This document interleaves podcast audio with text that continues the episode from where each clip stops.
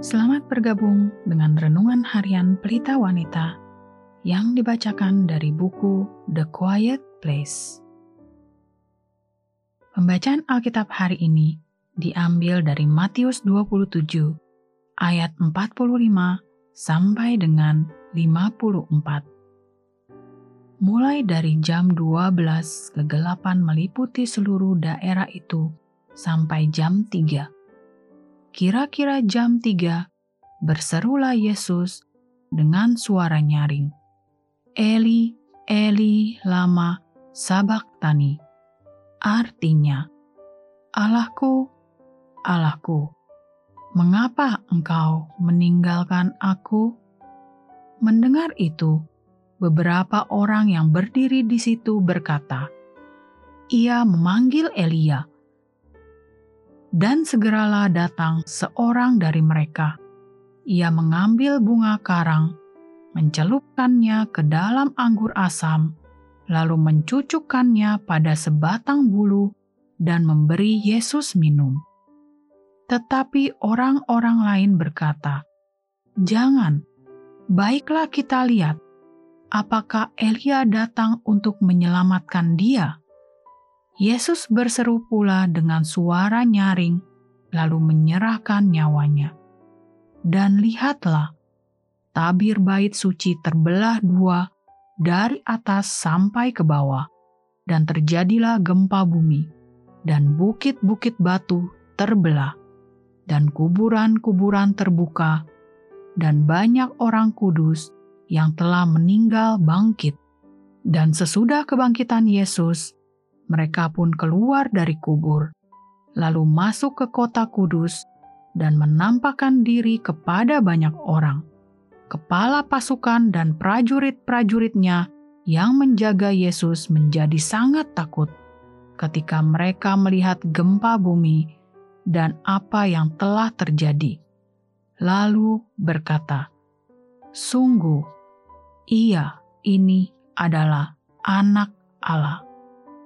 Ayat kunci hari ini adalah Matius 27 ayat 46. Kira-kira jam 3 berserulah Yesus dengan suara nyaring. Eli, Eli lama sabaktani. Artinya, Allahku, Allahku, mengapa engkau meninggalkan aku? Perkataan tentang pengabaian.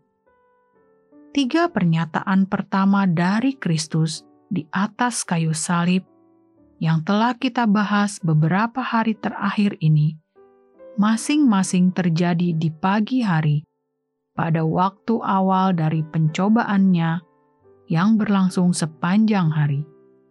Pada siang hari, kegelapan pekat menutupi bumi selama tiga jam berikutnya, dia melewati bagian yang paling menyakitkan, yang tersulit dari pekerjaan penebusannya. Tidak hanya menderita di tangan manusia, tetapi sekarang menjadi sasaran tangan Allah.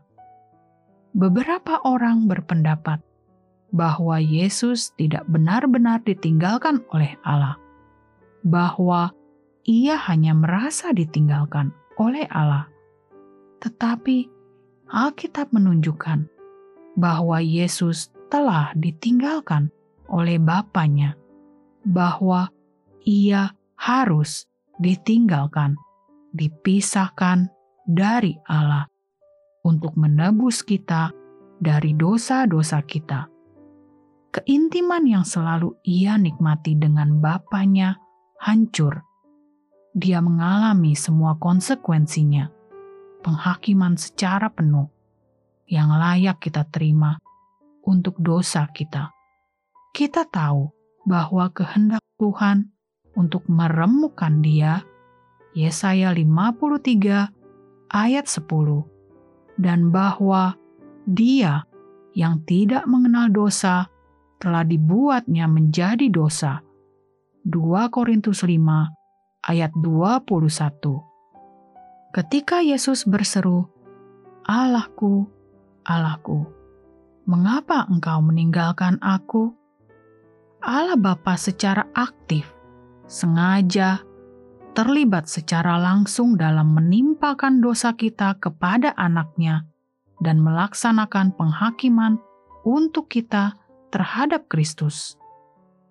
Namun, bahkan pada puncak kesedihan yang suci ini, seruan kesedihan Yesus bukanlah seruan ketidakpercayaan. Wajah Bapa telah semakin menjauh. Ya, tetapi Yesus tahu dia masih di sana dari jarak yang jauh, tidak hanya membawanya melalui siksaan ini, tetapi menemukan kepuasan dalam pekerjaan yang telah dilakukan dengan baik oleh putranya yang terkasih. Anda mungkin berada pada titik terendah dalam hidup Anda. Kadang-kadang anda mungkin merasa ditinggalkan oleh Tuhan atau orang lain. Tetapi, jika Anda telah mempercayai Kristus sebagai penebus dosa Anda, Anda tidak akan pernah benar-benar ditinggalkan, karena Juru Selamat Anda pernah ditinggalkan demi menebus dosa-dosa Anda. Sebagai penutup, mari kita merenungkan pernyataan ini. Jika bukan Anda, kemungkinan ada seseorang di dalam hidup Anda hari ini yang berada dalam kesulitan di titik terendah. Beritahu mereka tentang seorang juru selamat yang sudah pernah berada di sana dan berhasil melewatinya dan akan kembali.